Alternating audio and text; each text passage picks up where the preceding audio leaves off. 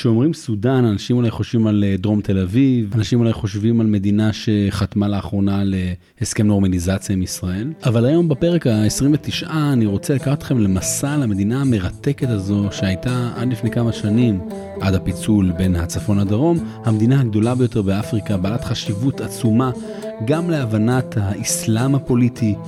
וגם להבנת הקשרים הסודיים ולא סודיים של מדינת ישראל עם יבשת אפריקה ובכלל עם המזרח התיכון. לטובת זה אני מארח אה, שגריר ישראל בשלוש מדינות ערביות, דוקטור חיים קורן. איתו נשוחח על החברה, הפוליטיקה והקשרים של סודאן במזרח התיכון. ועוד דבר אחד, לא לשכוח לדרג את הפודקאסט הכי גבוה שאפשר, כדי שאנשים נוספים יוכלו להצטרף לקהילה הגדלה.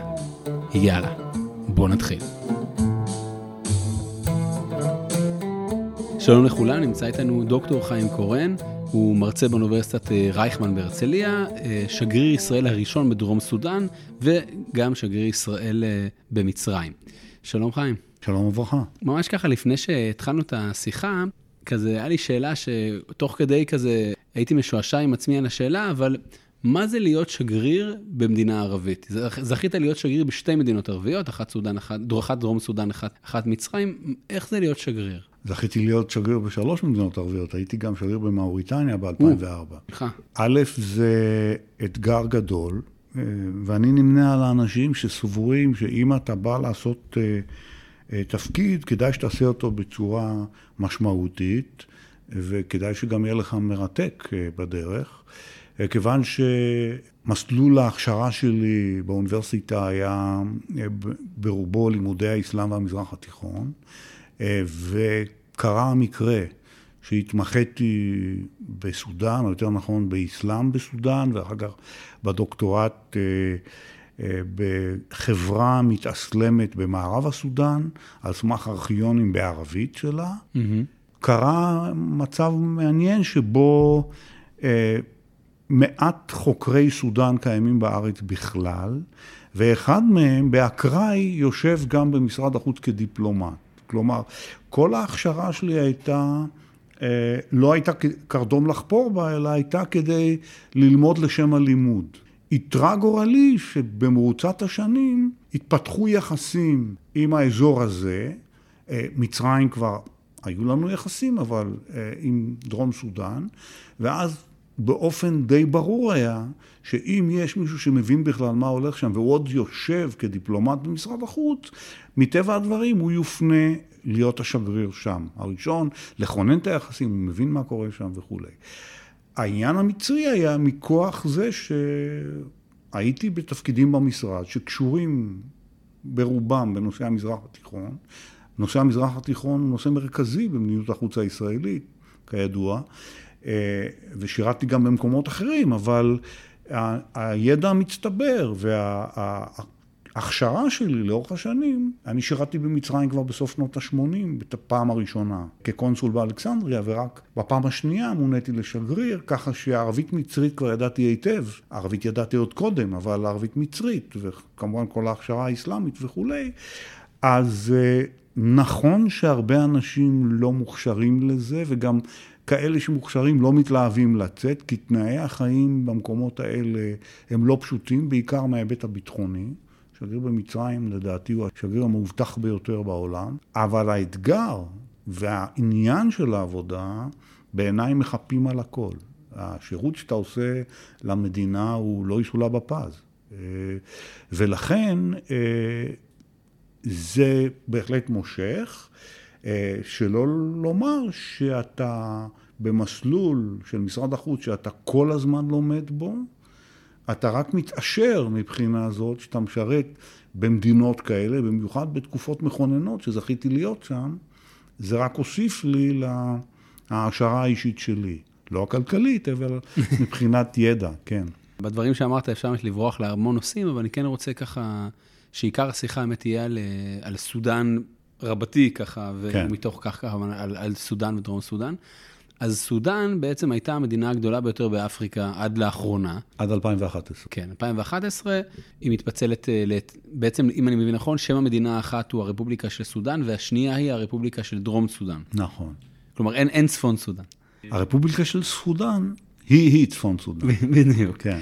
עכשיו, אם נלך אחורה, אז בעצם, ככה, לפני שככה הקלטנו, דיברנו על זה שבעצם סודאן, בגדול, עד שנות ה-50 היה לה השפעה מצרית או בריטית או משמשהו כזה, וב-56, אם אני זוכר נכון, בעצם יש פיצול. אבל אני מאמין שלעומת מדינות אחרות, שאו הוזכרו בפודקאסט, או אפילו היה פרק עליהם בפודקאסט, שנגיד חלק מהמאזינים יכירו כי הם היו בסיני, או היו בקהיר, אלכסנדריה, בפטרה, בטורקיה. אני מאמין שרוב המאזינים לא היו בסודאן, ככה התחושה שלי. אז בתור חוקר, בטח החברה בסודאן, מה, מה כדאי לדעת על סודאן? סודאן היא חברה שהיא מבחינת תעלומה להרבה מאוד אנשים. אני אתן מעין אה, גבולות גזרה כדי להכניס לאווירה. בטח. אנחנו מדברים על מדינה שהיא ציוויליזציה עתיקה מאוד בעמק הנילוס דרומה למצרים. בממצאים הארכיאולוגיים שבה, גם בה יש פירמידות, במירו, גם בה יש היסטוריה ארוכה מאוד, שהיא אה, בעיקרה נוגעת לנילוס, אבל האוכלוסייה שונה במהותה מהאוכלוסייה המצרית. החברה הזאת חוותה שני סוגי קולוניאליזם בעידן המודרני, האחד זה הטורקו-מצרי, או העות'מאני אם אתה רוצה, מ-1820, והשני הוא בריטי, שנכנס לתיקוף מאוד פעיל אחרי תקופת המאדיה, אני אדבר על זה איזה מילה, בטח. בין 1881 ל-1889, ואז זה הפך לשלטון המכונה במינוחים הדיפלומטיים קונדומיניום בריטי, כמו שיש מנדט בריטי או פרוטקטורט, והוא למעשה, בשם המכובס שלו נקרא השלטון האנגלו-מצרי בסודאן, שהסתיים, כמו שאמרת, ב-1956, בה קיבלה סודאן את עצמאותה. למה היא תעלומה, ונדרשנו כבר לשם, צפון סודאן וכולי, כי סוגי האוכלוסייה בטריטוריה שהייתה באמת הגדולה ביותר מאפריקה, פחות או יותר מ-1916 ועד 2011, היא אה, ריכוז של שלל אוכלוסיות שונות לחלוטין זו מזו, שהן לא מתואמות אחת עם השנייה, אלא מתחרות אחת בשנייה, שלא לומר עוינות אחת לשנייה, שהם יצרו ב nation state שנוצר אחרי המהפכה הצרפתית ועבר למזרח התיכון, בגבול טריטוריאלי אחד, הכניסו את סוגי האוכלוסייה האלה שיצרו מהומה בסודאן המודרנית מאז כינונה, או אפילו לפני כן. למה הכוונה? האוכלוסייה, הגוש הגדול של האוכלוסייה הוא אוכלוסייה ממוצא ערבי שאמונתה היא מוסלמית. או הם מייחסים את עצמם לשורשים גניאולוגיים, בעיקר לג'על, הדוד של הנביא, שמוצאו בערב הסעודית, והם מחשיבים את עצמם כערבים. דוברי ערבית והם מוסלמים. הביטוי שאמרת, דודו של הנביא, ג'על. אוקיי, אני מודה הג'עלין, אוקיי? הקבוצה השנייה היא קבוצה, והם ממוקמים בחרטום, באום דורמן, בקורדופן, בסנאר, ברוב מניינה ובניינה הפורה של סודאן, על גדות הנילוס, בתוך, בין הנילוסים שנפגשים מחדש בסודאן. הנילוסים, כלומר, הכחול כן, וה... הכחול והלבן. והאוכלוסייה השנייה, שהיא ממוקמת בדרום, אבל עדיין על גדות הנילוס הכחול, זאת אוכלוסייה שהיא, אה, סליחה, הנילוס הלבן, זאת אוכלוסייה שהיא ממוצא אפריקאי ודתה נוצרית שהומרה מ- למעשה מדת של אה, עובדי כוכבים ומזלות. Mm-hmm. לא, שלא לא חוו דת מונותאיסטית לפני זה, התנצרו החל מהמאה ה-15 ואילך, והם נחשבים היום לנוצרים. זה בדרום. המערב, לעומתם, הוא אוכלוסייה אפריקאית שעברה גלגולים מסוימים, ובמאה ה-16 עברה תהליכי התאסלמות, שהם אומנם מוסלמים, אבל לא ערבים, אוקיי? שחורים מוסלמים. על זה כתבתי את הדוקטורט, על תהליכי ההתאסלמות שלהם מהמאה ה-18 עד המאה ה-20, אוקיי? אין שום הלימה בין שלושת הקבוצות האתניות האלה, האתניות, הדתיות וכולי. יתרה מזאת, משלהי המאה ה-16, סודאן, כמו חלקים אחרים באפריקה, עברה תהליך של כניסה סופית מאוד מסיבית לתוך סודאן, בעיקר ממרוקו וצפון אפריקה ומצרים, בשונה משני גלי התאסלמות קודמים בתקופת הנביא שלא צלח במיוחד, ובמאה העשירית, שגם הוא הגיע פחות או יותר עד ואדי חלפה, שהוא הגבול בין מצרים לסודאן גם היום, ונעצרה שם. הסופיות לעומתה השתרשה מאוד עמוק בתפיסה של הסודנים, היא טעמה מאוד את המבנה השבטי, האפריקאי בכלל והסודני בפרט, וככל שצ'יף מקומי היה חזק יותר, אמור מעתה שייח' מקומי היה חזק יותר, ובנוסף ליכולות של צ'יף מקומי להוריד גשמים אה, ולרפא אה, חולים וכולי וכולי, הוא גם ידע לקרוא ולכתוב בערבית ולהביא את הקוראן, תכונה מאוד מבורכת נוספת שהייתה לו. ככל שכוחו גבר, הדתי, הכלכלי והפוליטי, סמכותו גדלה, והוא הפך לגורם מאוד מרכזי בחיים הפוליטיים, החברתיים והדתיים של סודאן. ולכן, אה, מישהו שהתחיל כחבר בטריקת הסמניה בסודאן במאה ה-19, כמו מוחמד אחמד, לימים המהדי, צבר כוח כל כך גדול, שהוא הפך במהרה להיות המנהיג הפוליטי, תוך קרבות, תוך מלחמות, בתוך המתווה הסודני, לעומת אחרים.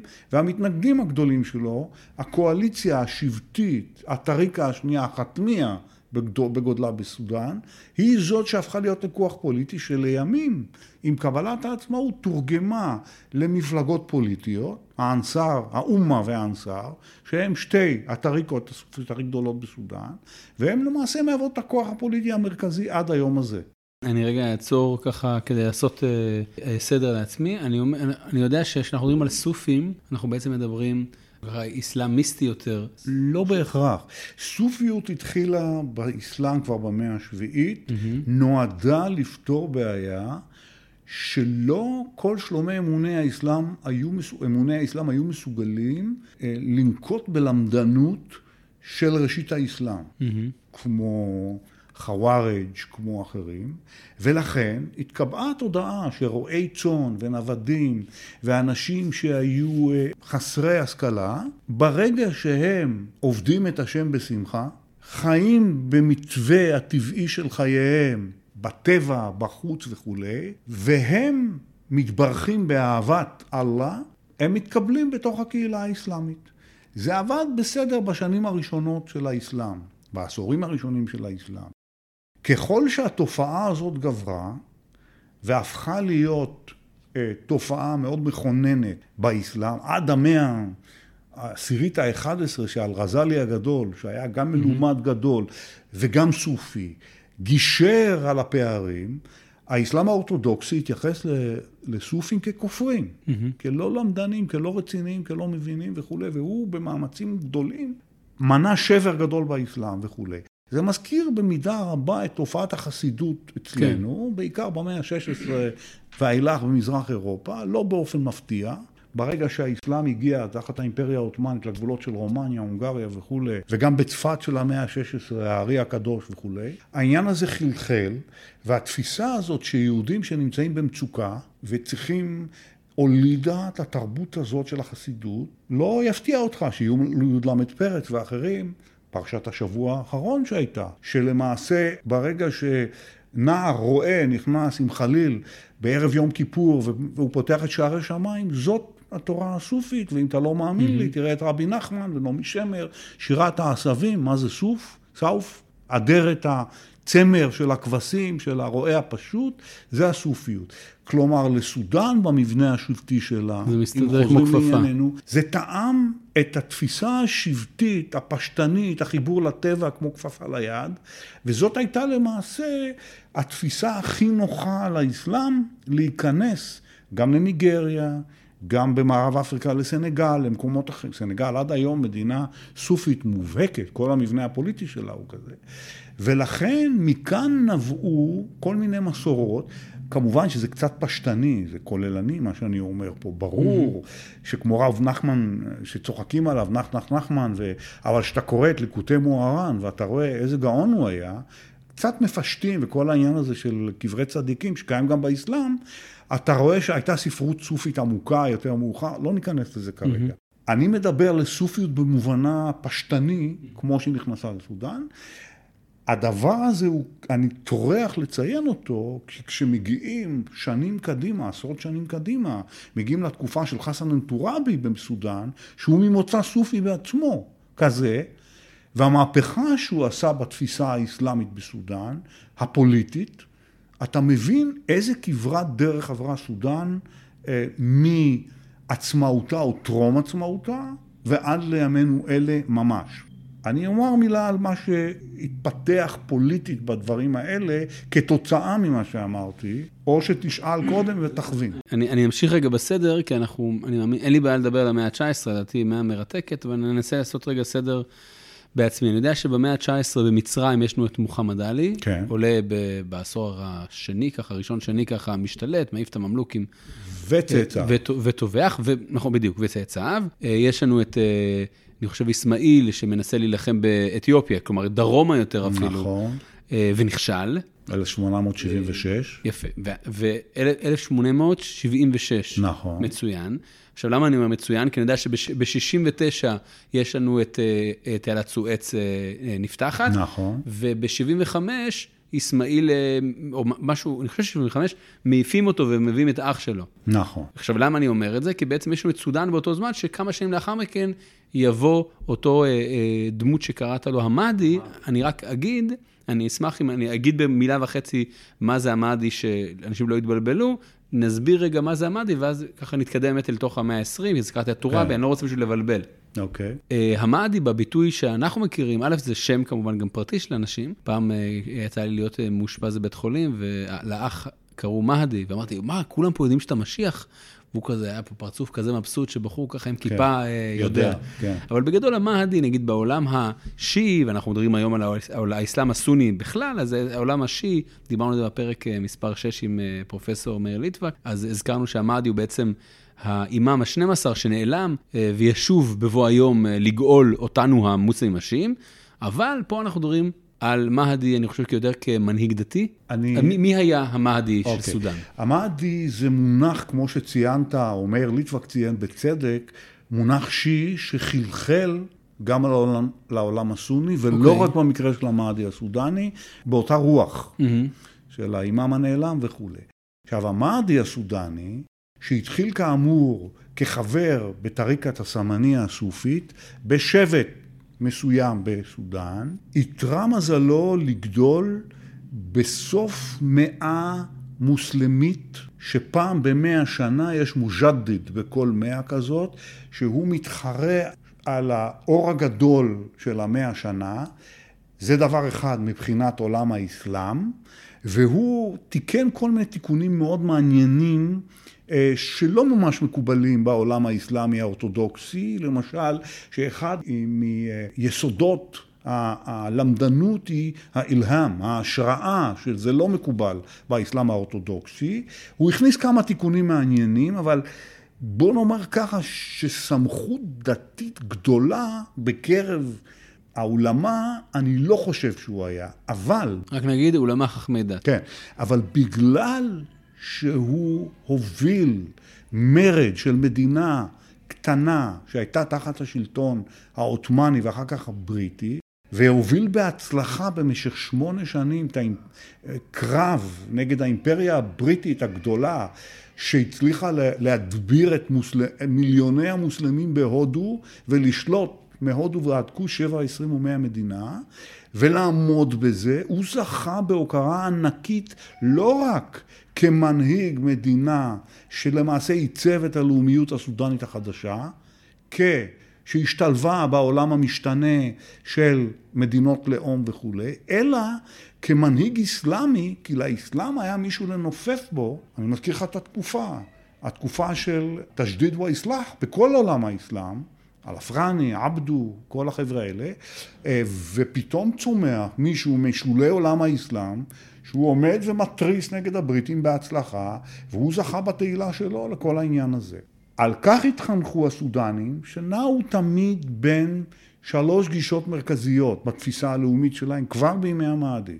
אנחנו וחדת הניל, כלומר עמק הנילוס, כמו שאתה ציינת, מצרים וסודאן כיחידה אחת. אפרופו, הקרב בגורה ב-1876, למעשה התבוסה המצרית. לאתיופיה.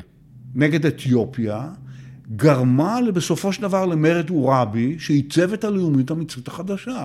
אבל זה סיפור למצרים. בהחלט. עכשיו, מה שקרה כאן הוא שהתפיסה הזאת של ווחדת הניל, היא קיימת עד עצם היום הזה, הייתה מאוד נוחה למצרים בעיקר, וגם לבריטים.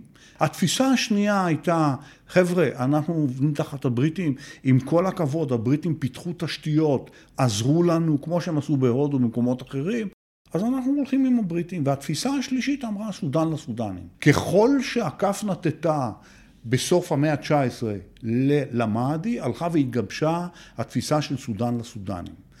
הדברים האלה משתנים, השתנו כבר אז. הבריטים, כמו, כמו אצלנו, כבר ב-47 ידעו שהם הולכים לעזוב והעבירו את התפוח אדמה הלוהט הזה של תוכנית החלוקה לאו"ם והאו"ם הציג לנו אותה. כבר ב-55 הם ידעו שהם עוזבים, הולכים לעזוב את סודאן והתחילו להדריך את הסודנים לקבל את הזה. אבל הבריטים לא השתלטו מעולם על הפערים בין שלושת סוגי האוכלוסיות השונים, והצפון המוסלמי הערבי שנלחם בדרום האפריקאי נוצרי, המלחמת האזרחים התחילה כבר תחת השלטון הבריטי ב-55, כמו שאצלנו יהודים וערבים נלחמו אחד בשני תחת המנדט הבריטי, ולא הצליחו לפתור את הבעיה, השאירו את התפוח האדמה הלוהט הזה לסודנים שכוננו את הלאומיות שלהם, ומההתחלה, עוד לפני העצמאות, כבר נוצרה מלחמת אזרחים, מלחמת הכל בכל. זה לא רק ערבים מוסלמים נגד נוצרים שחורים, זה כל המושג של עבד ומאולה. זאת אומרת, אה, אנחנו המוסלמים מעליכם, אתם עבדים במידה מסוימת, שחורים. לא דבר חדש בסודאן, דבר מושרש מאוד, כמו גם במאוריטניה, כמו גם במקומות אחרים באפריקה. יש פה עניין, התהוותה מלחמת אזרחים שגבתה שני מיליון קורבנות, שלושה מיליון פליטים, רובם בקניה, אה, לאורך השנים. ומלחמת הכל בכל, כאשר סודאן מעולם לא, יכלו, לא יכלה להיות מדינה אינטגרטיבית אמיתית, שכל שלושת פלחיה רואים עין בעין את הסיפור הזה בקרני אחד. להמשך אני אומר שסודאן פיתחה לה, סודאן זה המרכז התרבותי, הכלכלי, הפוליטי, צפון סודאן, חרטום, הערבים המוסלמים, הם שלטי סודאן, הם יושבים על המשאבים של סודאן, הם גיבשו להם כבר מתחילת העצמאות מדיניות שהייתי קורא לה מדיניות מזרח תיכונית, לא מדיניות אפריקאית. למרות שמצרים עצמה נחשבת כאפריקה, הדבר הזה מאוד לא נשא חן אם אני אומר את זה בלשון המעטה, לא בעיני הדרום ולא בעיני המערב. אבל הם הובילו את המדיניות הזאת במשך שנים רבות, ו, אה, ולכן נוצרה הבעיה של מלחמת האזרחים הלא פתורה הזאת לכל אורך שנות השלטון של המדינה, כאשר לזה כמובן צריך להוסיף רכיבים נוספים כמו שינויים אידיאולוגיים בעולם, בעולם הערבי בכלל, וכך סודאן שבהתחלה, וזה כבר אני כתבתי וגם אחרים, רצתה לכונן יחסים דיפלומטיים עם ישראל, כבר ב-56, סאדק אל-מהדי, הנכד של, mm-hmm. שהיה ראש ממשלה, פנה אלינו, כבר זה, הגנזכים פתוחים ואפשר לראות את זה, כבר צוטטו דברים משם, ולא רק אני. אה, פנה אלינו ורצה לכונן יחסים כנגד עבד אל נאסר שסיכן את סודאן ורצה וחדת הניל, רצה לשלוט בהמשך במים של הנילוס ובסודאן, ובסופו של דבר, 56 זה לא רק שנה שסודאן קיבלה עצמאות, זה גם הסיפור של מבצע סיני, על אמת תעלת סואץ על ידי נאסר, ובניית הסכר אה, הראשון, ואז הלחץ שעבד אל נאסר הפעיל בשם הפן ערביות, כן, הקאומיה, הוא הפעיל אותו על תימן, על סודאן בצורה ברוטלית, וה... הסודנים, ההנהגה הסודנית נאלצה להתחבר לעבד אל-נאצר בניגוד לרצונה, ואט אט זזה מאידיאולוגיה של סודן לסודנים, נוסח המאדי, למדיניות שכולנו באחדות הערבית, נגד ישראל וכולי וכולי. זה הגיע לשיא ב-1967, אחרי מלחמת ששת הימים, ועידת חרטום המפורסמת, כן. שלושת הלאווים וכולי. זה היה ההיט של השיא של הפן ערביות, ששטף גם את סודאן. אז אתה בעצם אומר, כזה עברנו בעצם מהמהדי... אה, של אה, שנות ה-80, נכון? של המאה ה-19? כן, שנות ה-90. שנות, שנות ה... כן. 80-90. 80-90. אל, אל בעצם סודאן שמקבלת עצמאות, ובעצם מרגע שהיא מקבלת עצמאות, אה, א', מרתק ככה שכבר ב-56 סודאן רוצה להיות חברה שלנו, לצד זה שגדל לידה גמל עדן נאסר מ-54 עד 70, מנהיג, כריזמטי וכולי, כמו שכבר ציינת. עכשיו, אולי כזה תעשה קצת איזה סוג של מורה נבוכים, אני אומר מבחינתי, אני אומר, אני יודע שב-58 זה אחת השנים המרתקות במזרח התיכון. כן. כי בעצם יש שם... ההפיכה של גנרל עבוד בסודאן, כן, הראשונה, כן? אני אומר, בסעודיה אה, מדיחים את המלך. בלבנון יש אה, ברור. את מלחמת האזרחים הקטנטנה, בעיראק, אנחנו בדיוק היום, לפי כמה ימים היה יום המהפכה, כן? כן. הממלכה האשמית נופלת, ונורי סעיד וסופו כן. אמר.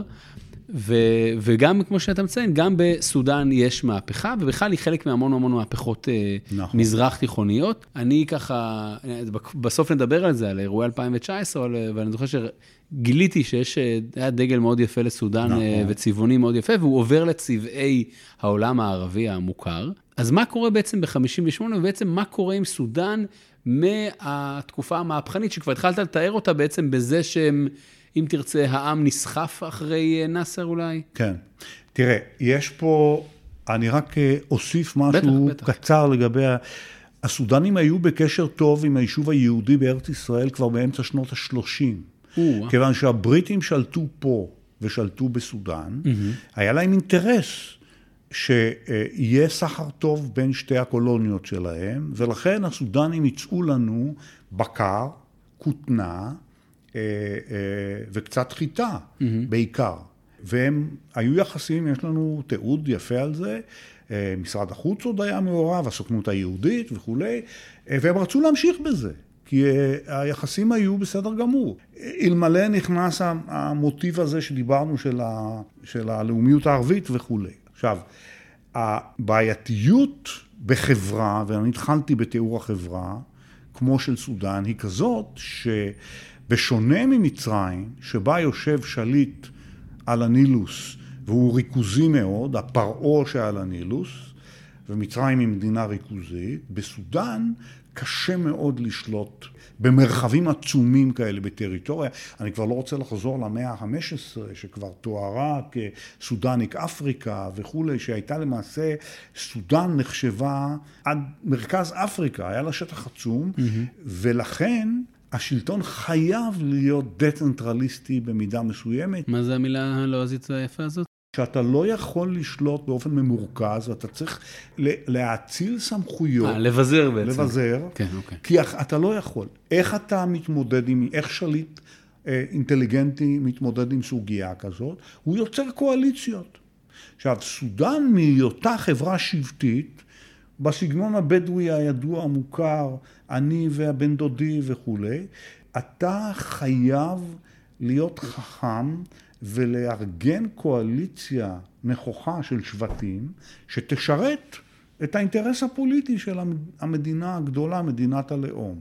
לפעמים אתה מצליח יותר, לפעמים פחות. מה שקרה בסודאן, אני לא רוצה לחזור לדגמי השלטון המוכרים במזרח התיכון המודרני מסוף שנות ה-40, שזה או מהפכות של קצינים, כמו שדיברנו כרגע, mm-hmm. או שזה שושלות שהם כמו מלוכות. סעודיה, כמו ירדן, כמו מרוקו, אה, שהן אסלאמיות, או שהן חברות שבטיות, או שילובים של כמה מהדגמים האלה יחד, כמו בסודאן, כמו בלוב, קדאפי, כן. משפחת קדאפה הידועה, מהשבט הזה, היה קולונל שלקח את השלטון, השתמש בקשריו השבטיים וב... חוכמתו הפוליטית כדי לנהל את סודאן הרבה מאוד שנים, והוא עלה לשלטון מאוד צעיר. אתה מדבר על לוב. לוב, סליחה. כן. הוא אמור בסודאן. אנשים משבטים מסוימים שיוצרים הפיכה כדי לטייב ולשפר את החברה הסודנית, מהר מאוד רואים שזה בלתי אפשרי, ולכן חייבים לפעול בקואליציה, ובאופן טבעי הקואליציה הולכת עם מנהיגים אזרחיים, בוגרי אותה שבטיות ואותה סופיות, שכדי לנהל מדינה כל כך גדולה ובעייתית, עם יחסי פנים קשים ויחסי חוץ לא פשוטים, וזה לא רק מצרים, אתה חייב לנהל קואליציה, ואז מיד עורכים הפיכה צבאית, מסתכלים ימינה ושמאלה, אין לך עם מי לעבוד, אתה חוזר לאותם מנהיגים אזרחיים.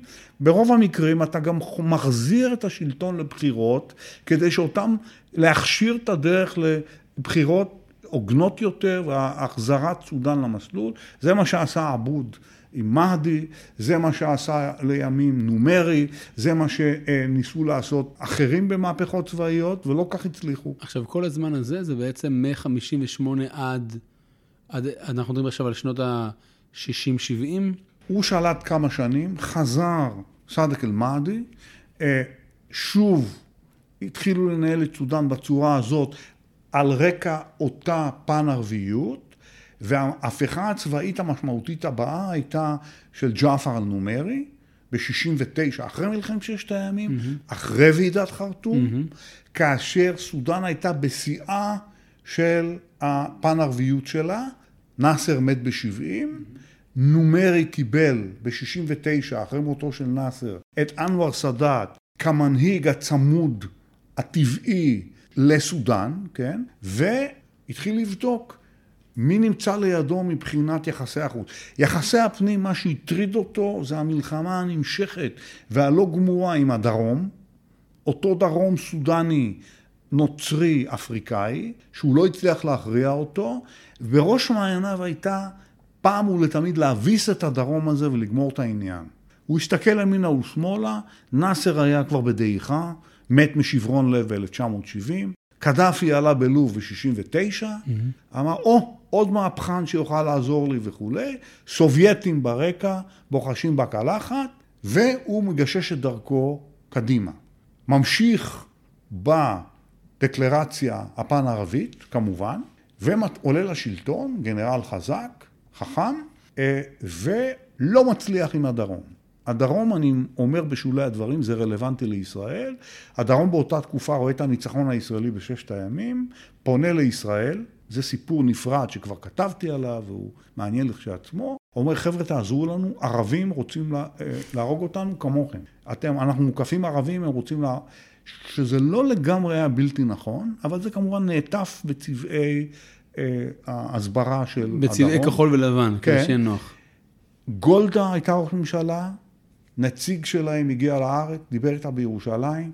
גולדה הייתה לה תמיד פינה חמה בלב לאפריקה, שכנע אותה, שהלכה ב-69, סוף 68, משלחת סקר בראשות חבר טוב שלי שהיה במוסד אז, בשם טרזן, הוא הגיע לעשות משלחת סקר בדרום סודאן ולראות הקל הוא המים, אם אפשר לעזור להם להילחם נגד אה, נומרי. חזר, הכין עבודת שטח מאוד מאוד קפדנית ואמר שכן, רוצה כך וככה אנשים, אי אפשר היה להיכנס לסודאן, היו צריכים לעשות דרך אוגנדה ודרך קניה, וכשהוא חזר לקראת הכניסה הבאה, נומרי עשה את ההפיכה ועלה לשלטון. ואז פתאום גם לנו היה מצב חדש. Anyway, ישראל החליטה להמשיך, הצליחה לייצב את הדרום, לפתח שם בצורה מאוד מעניינת, שזה סיפור מרתק לכשעצמו, לבנות צבא דרום סודני מיוחד, שזה סיפור לא פשוט בפני עצמו, ולהתחיל לקצור הישגים נגד נומרי, אוקיי? נומרי, שהבעיות הכלכליות והשבטיות וזה עמדו לפניו, והדרום, וזה היה לא פתיר, מצא את עצמו במצוקה, ונאסר מת, וקדאפי התחיל להראות את היומרות שלו באזור, האסלאם הירוק, המהפכני, אני היורש של עבד אל-נאסר וכולי, וראה שקדאפי מהווה סכנה, ללוב יש גבול עם סודאן. בלית ברירה הוא התחבר לאנואר סאדאת והתחיל לתמוך בו, ותמך בו לכל אורך הדרך עד 77, שסאדאת בא לירושלים, ונומרי היה אחד הבודדים שתמך בו. כי הוא אמר, בין קדאפי המטורף לבין הסובייטים, יש לי בן ברית אחד שאני יכול לסמוך עליו וזה סאדאת, ואני הולך איתו. זה עלה לו במחירים מהעולם הערבי, אבל הוא התמיד בזה. בדרך, מ-69 עד 77, הוא היה צריך להישרד איכשהו.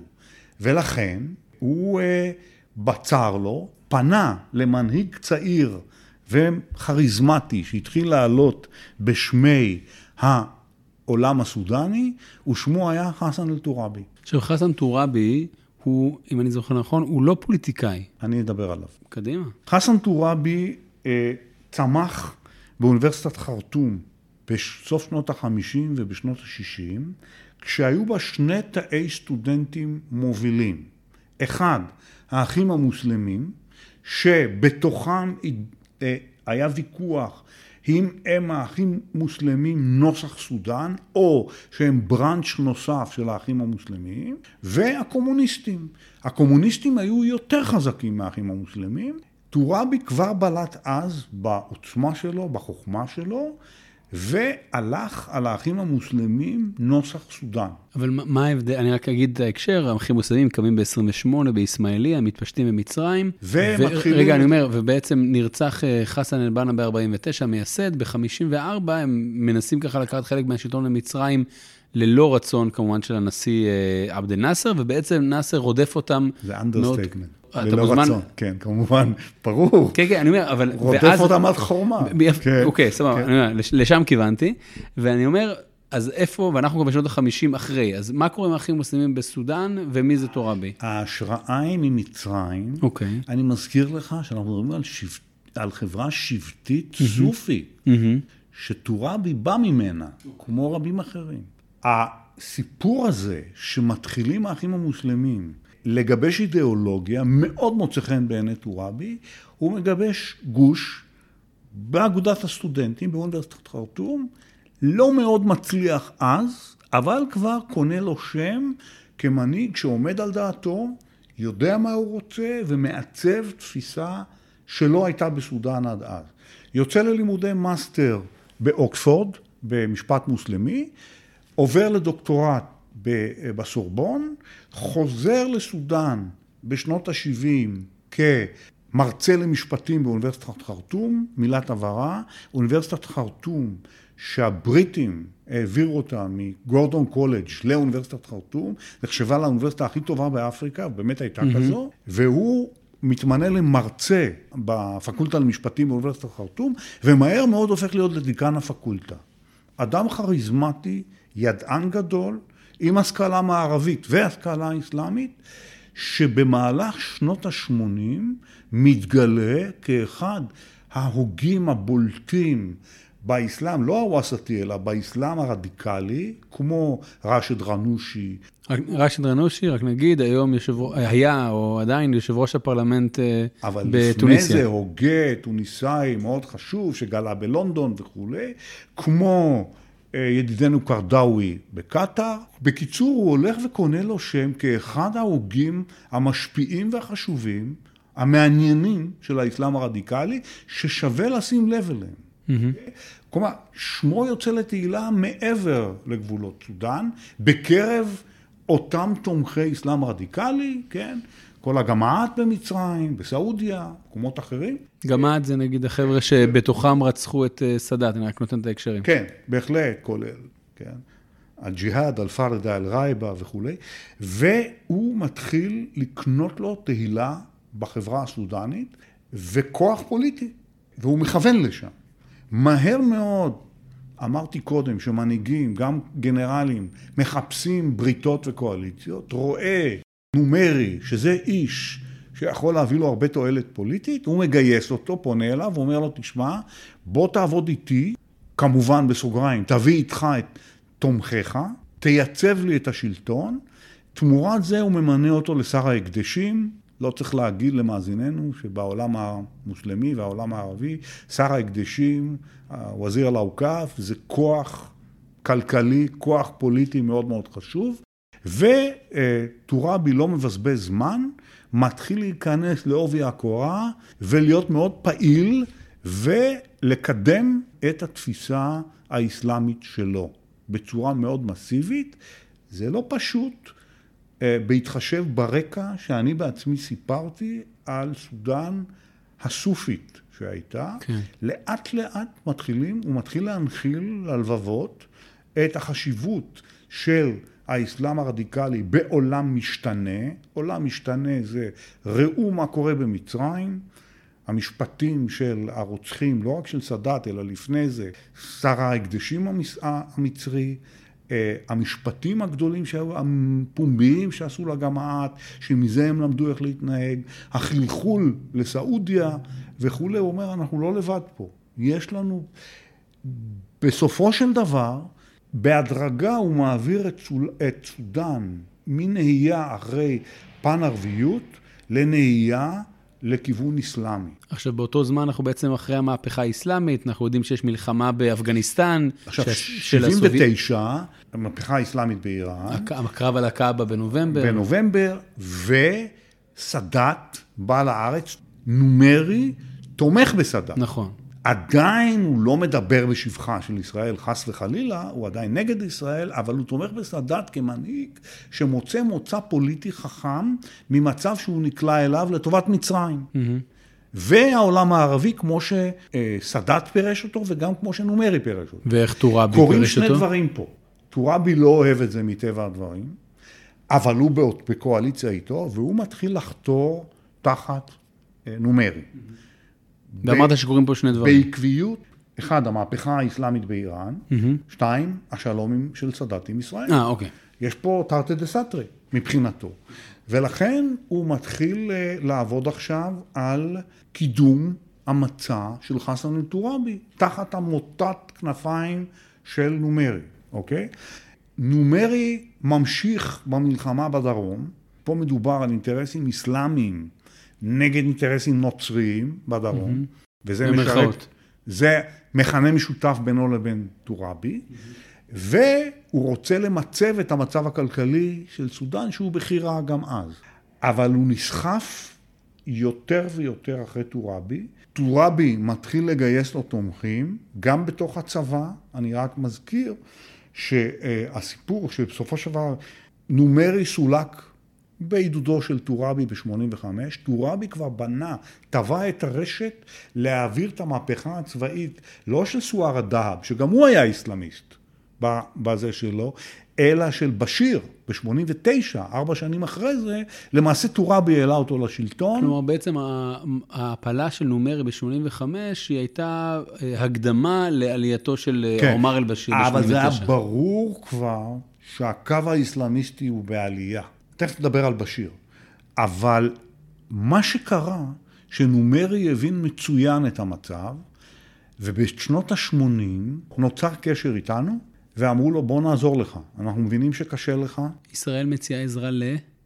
נומרי. אוקיי. Okay. נומרי ממשיך לדבר במונחים פן-ערביים, למרות שהוא מזמן כבר לא כזה, אבל מקבל את העזרה. הוא פוגש את אריק שרון ב-82 בקניה. אריק שרון מדבר על עזרה גם בנושא לוב. 82 אריק שרון עדיין שר ביטחון? בהחלט. אוקיי. לפני לבנון, mm-hmm. פוגש אותו. מלחמת לבנון הייתה ביוני, במאי הוא פוגש אותו. Mm-hmm. הם מדברים והוא מנסה... מתוך כל הסיפור הזה צומח דבר אחד מצוין לישראל. נומרי מסכים שיהודי אתיופיה mm-hmm. יעלו לארץ דרך okay. כן. סודאן. זה עולה לנו הרבה מאוד שלמונים, ולו בלבד שנשמור על שתיקה, וככה מתחילים המבצעים כבר הראשונים של העלאת יהודי סודאן. זה פרק נפרד מרתק לכשעצמו, בהסכמה שבשתיקה של נומרי, בלא ידיעת טוראבי ואנשים אחרים, פקשנס אחרים בממשלה, והוא מאפשר את זה, אוקיי? הוא מופל ב-85, כמובן טוראבי על הסוס, וזה הולך ומקצין, וכשבשיר עולה לשלטון, מדברים פה באישור קו ג'יהאדי גמור.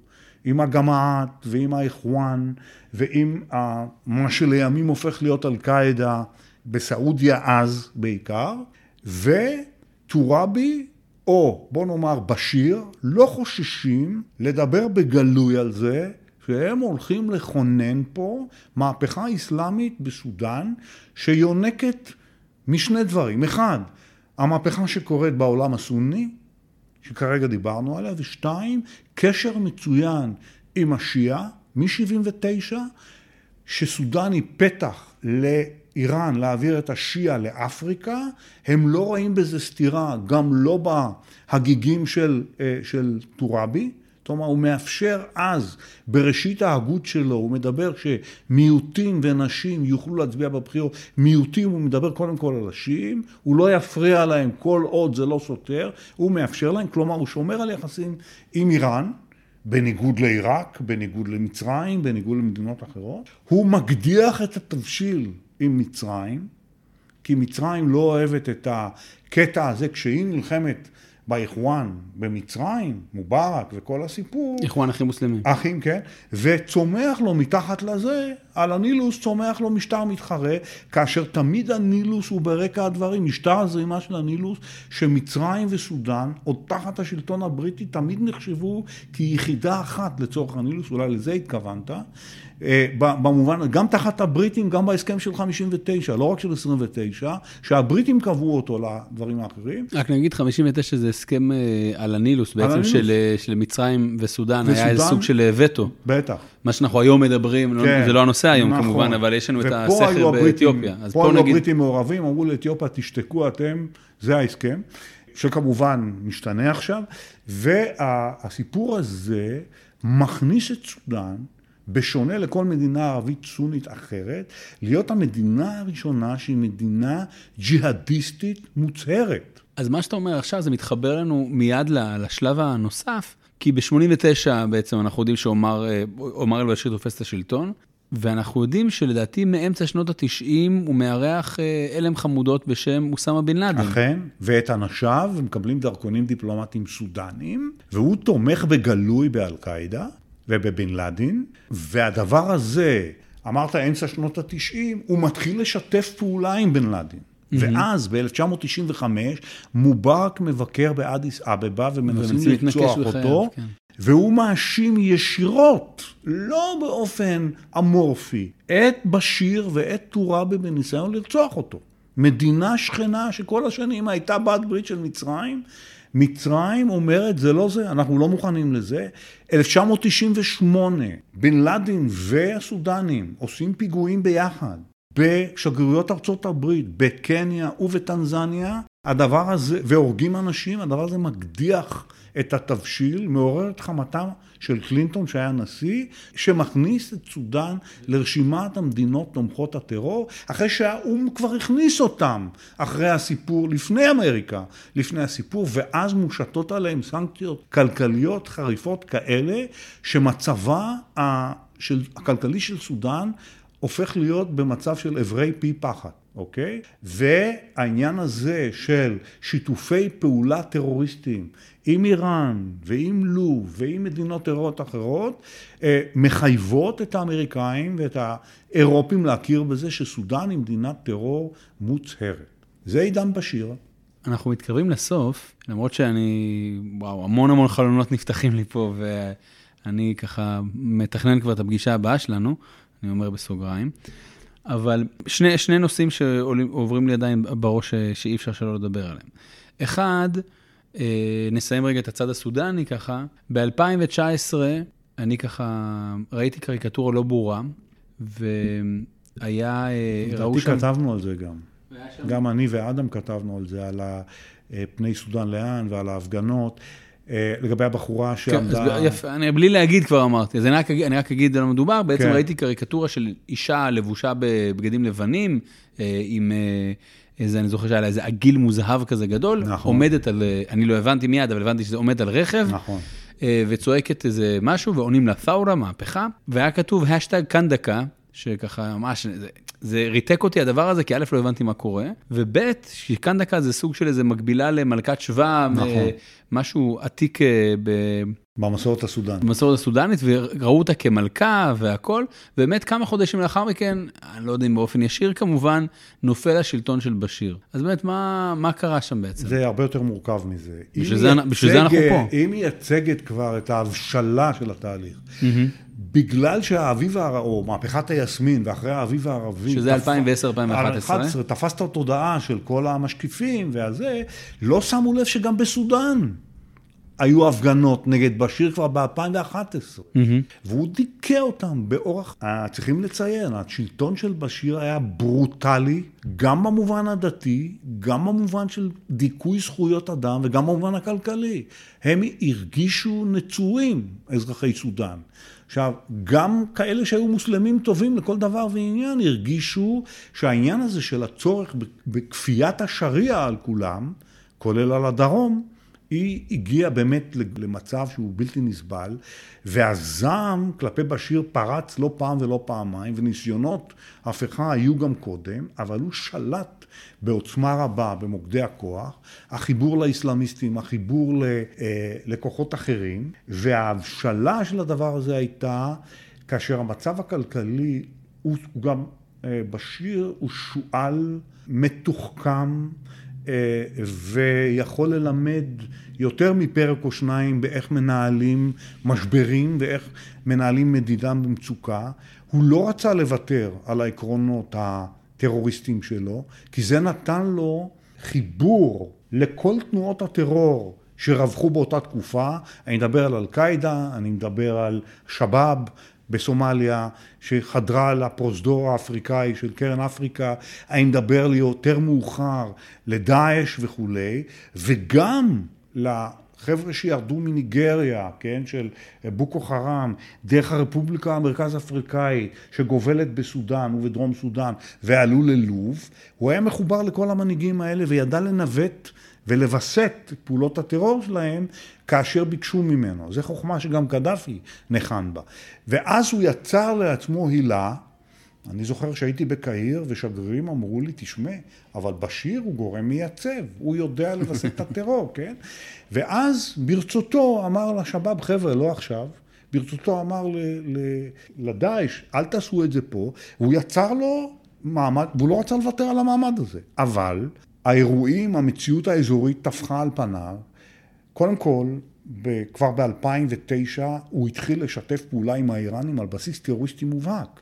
כל המעברים של... אה, נשק. מבנדר עבאס לאוקיינוס ההודי, הים האדום, ומשמרות המהפכה שאפסנו את הטילים בפורט סודאן, ופתחו מחרטה של משמרות המהפכה במחנה ירמוק ליד חרטום, ואחר כך שלחו את זה לעזה ושלחו את זה ללבנון, לחיזבאללה ולחמאס, וקרין A שתפסו בדרך mm-hmm. וכולי, וגם ה- ה- ה- אותו, אותו השיטה שהם שלחו לתימן, לחות'ים לתימן, האיראנים דרך הים האדום, והתימנים תפסו את זה. העמידו את סודאן במצב שכל העולם כבר היה נגדה ואמרו חבר'ה אתם טרוריסטים פר אקסלנס. ואז בשיר והשרים שלו נפל לו האסימון אמר אין לי ברירה אני חייב להפסיק את זה. לא שאני רוצה אבל אני חייב. איך אני מפסיק את זה משחק אותה נחמד, חוזר לאמריקאים, הנה אני נגד הטרור. הוא פעם ראשונה אמר את זה ב-11 בספטמבר, אני מפסיק, אני בעד הטרור, שיקר, המשיך לעשות, אה, לתמוך בטרור. ב-2014 לא הייתה לו ברירה, הוא הגיע אז להחלטה שהוא מפסיק עם זה, שרים שלו התחילו להתבטא, כן, אה, בעניין הזה, שר החוץ שלו אז אמר, חבר'ה, מה יש לנו מהאיראנים האלה? לא יוצא לנו שום דבר, צריכים להפסיק את זה, בואו נעבור לסעודיה. ובשוליים, פתאום 2014, 2015, 2017, התחילו לצוץ הצהרות של גורמים סודנים רשמיים, כולל גורמים אסלאמיים בסודאן, האחים המוסלמים בסודאן שאמרו, אין בעיה בשלום, כבר, אני כתבתי על זה וציטטתי את זה כבר מזמן, כבר לפני כמה שנים, אין בעיה בשלום ישראל, אין לנו בעיה עם הפלסטינים, לא, זה לא בעיה שלנו, אין בעיה בקוראן, אפשר לעשות שלום עם ישראל, כן, יוסוף אל-קודה כבר אמר את זה, מצוטט, הכל בהרחבה וכולי, ואז הצטבר שהם, הדרך אה, לוושינגטון עוברת בירושלים, ואז התחילו פעם ראשונה, ב-2016 הוא ניתק את היחסים עם, אה, עם איראן, בטיעון שכאילו יש תהליכי שיעיזציה בסודאן. הוא אמר, מרכז תרבות וכולי, חתך את זה, חבר לסעודים, הצטרף למלחמה בתימן של הקואליציה הסונית. Mm-hmm. ופעם ראשונה התחיל להוכיח שהוא... אה, חזר בתשובה. חזר בתשובה. חזר בתשובה, כלומר נגד כלומר, טרור. כלומר, הסיפור עם ישראל התחיל כבר ב-2016. הרבה, כשעוד בשיר היה בשלטון, הוא רצה להתחיל לקדם את זה. הוא והגנרלים שלו. מי שסילק אותו בסופו של דבר מהמהפכה זה הגנרלים שלו. כלומר, בעצם הגנרלים, או בורהאן וחמידתי. אני אומר, הם חיכו בעצם הם חיכו בעצם לרגע הזה שיש איזה הייפ, לא יודע אם להגיד תקשורתי, אבל המוני, שיוצאים לרחובות והכול, כדי להגיד לו, להגיד עד לו כאן. עד כאן. הם גם חוו את זה בשירות שלו, הרבה ש- ממושך, רב שנתי, הם חוו איך הוא הבין שטוראבי גורם, הקדיח את התבשיל וגורם לו נזק, וכבר ב-1999 הוא התחיל להרחיק אותו ממוקדי הכוח. מעצרי בית וזה, סילוק מהזה, שלטון, הוא לא יכול היה להכניס אותו לכלא כי זעם ההמונים היה גודש אותו. אני אומר עוד דבר אחד בשולי הדברים, אבל הוא רלוונטי וחשוב. אותם מתאסלמים בדארפור, שכזכור הם מוסלמים אבל לא ערבים, כשטוראבי העמיק ושינה את, והקצין את ההגות שלו לקראת סוף שנות ה-80, אמר, ההתאסלמות שלהם היא לא נכוחה, היא לא טובה, הם לא מוסלמים אמיתיים. אם הם רוצים להיות מוסלמים טובים, צריכים להתאסלם בדרך שאני חושב, בדרך, ולא בדרך הסופית שהם עשו את זה. וזה בסופו של דבר הביא לג'נוסייד בדארפור של טוראבי ובשיר ב-2005, מ-2003 עד 2005, על רקע גזעי. כי הם היו מוסלמים ואלה ערבים נגד שחורים. בפירוש ככה. זה לא כמו שפה פירשו בטעות, וכל מה שניסיתי להסביר, שזה לא נוצרים נגד מוסלמים, אלא זה מוסלמים נגד מוסלמים. כשראו את זה אחר כך עם אל-קאעידה ועם קבוצות אחרות שעושים את זה, הם עשו את זה ויצרו משבר ענק גם עם המערב ולא רק עם הדרום. בשיר עם עוד כמה שרים שלו נאשמו על ידי בית הדין הבינלאומי בהאג בפשעים נגד האנושות. בדארפור. בדארפור הביאו לזה שהגנרלים שלו אמרו עד כאן, בואו נשחרר אותנו, הם לא הרגו אותו, הם, לא, הם רוצים לשמור אותו, אבל לא רצו שימשיך לשלוט כדי שיזהם את שם סודאן ברבים, והם מנסים לקחת את השלטון באמצעים כאלה שהם מתחילים איזושהי מהפכה שבסופו של דבר תביא לדמוקרטיזציה, זה הולך מאוד קשה, הציבור לא קונה את זה, הציבור הסודני, ויביאו בסופו של דבר לבחירות ולשלטון אזרחי שיבריא את סודאן יחד עם אמצעים מאוד חשובים נוספים, כמו שלום עם ישראל שיטיב את הכלכלה, פתיחות לארצות הברית שכבר הוציאה אותה מרשימת המדינות התומכות בטרור, ופרויקטים כלכליים שיחברו אותם חזרה לעולם העכשווי. אז יש לנו בעצם, אם תרצה, סודאן בדרך חדשה. ודיברת על דארפור, אז רק ככה כדי, ממש בסיום הסיומים, אני מנסה רק להבין, האם דארפור היא חלק ממה שאנחנו היום מכירים כדרום סודאן, או שזה לא. עדיין חלק מסודאן לא. שקיימת עוד היום? פעם, אני רק מסביר. שיהיה סדר. דרום סודאן היא מ-2011 מדינה עצמאית, נכון. שישראל בין הראשונות שהכירו בה. היא אוהבת את מדינת ישראל, היא לא עשתה את זה מתוך אינטרסים גרידא, היא חייבת לנו על העזרה בשנות ה-60 וה-70, על זה שהם נוצרים, שהם כמו אוונגליסטים מאמינים בברית הישנה ואוהבים את היהודים, mm-hmm. זה סיפור אחר לגמרי. דארפור הם מוסלמים במערב הסודאן, לא בלוב. אוקיי, גובלים עם לוב, גובלים עם צ'אד, אוקיי? אוקיי. והם סיפור אחר לגמרי, שהם לא, מעולם לא אהבו את השלטון הערבי שהתנכל להם וטיפח אותם והדיר אותם, אבל זה, זאת אוכלוסייה אחרת. זה מתחבר להסבר שלך בהתחלה, על כן, החלק המערבי כן. הם הצטרפו האפריקאי. גם לסודאן ההיסטורית מאוחר, אמרתי קודם, ב-1916, כשהסולטן האחרון שלהם, עלי דינר, ניגף בפני הבריטים בקרבות שלהם, ואז חיברו אותם טריטוריאלית, מלאכותית אם אתה רוצה, שרירותית, לסודאן, ומאז הם חלק מסודאן. אני לא חושב שהיום הם רוצים להיפרד מסודאן, כי לא כדאי להם. אבל זה סיפור ששווה שיחה נפרדת.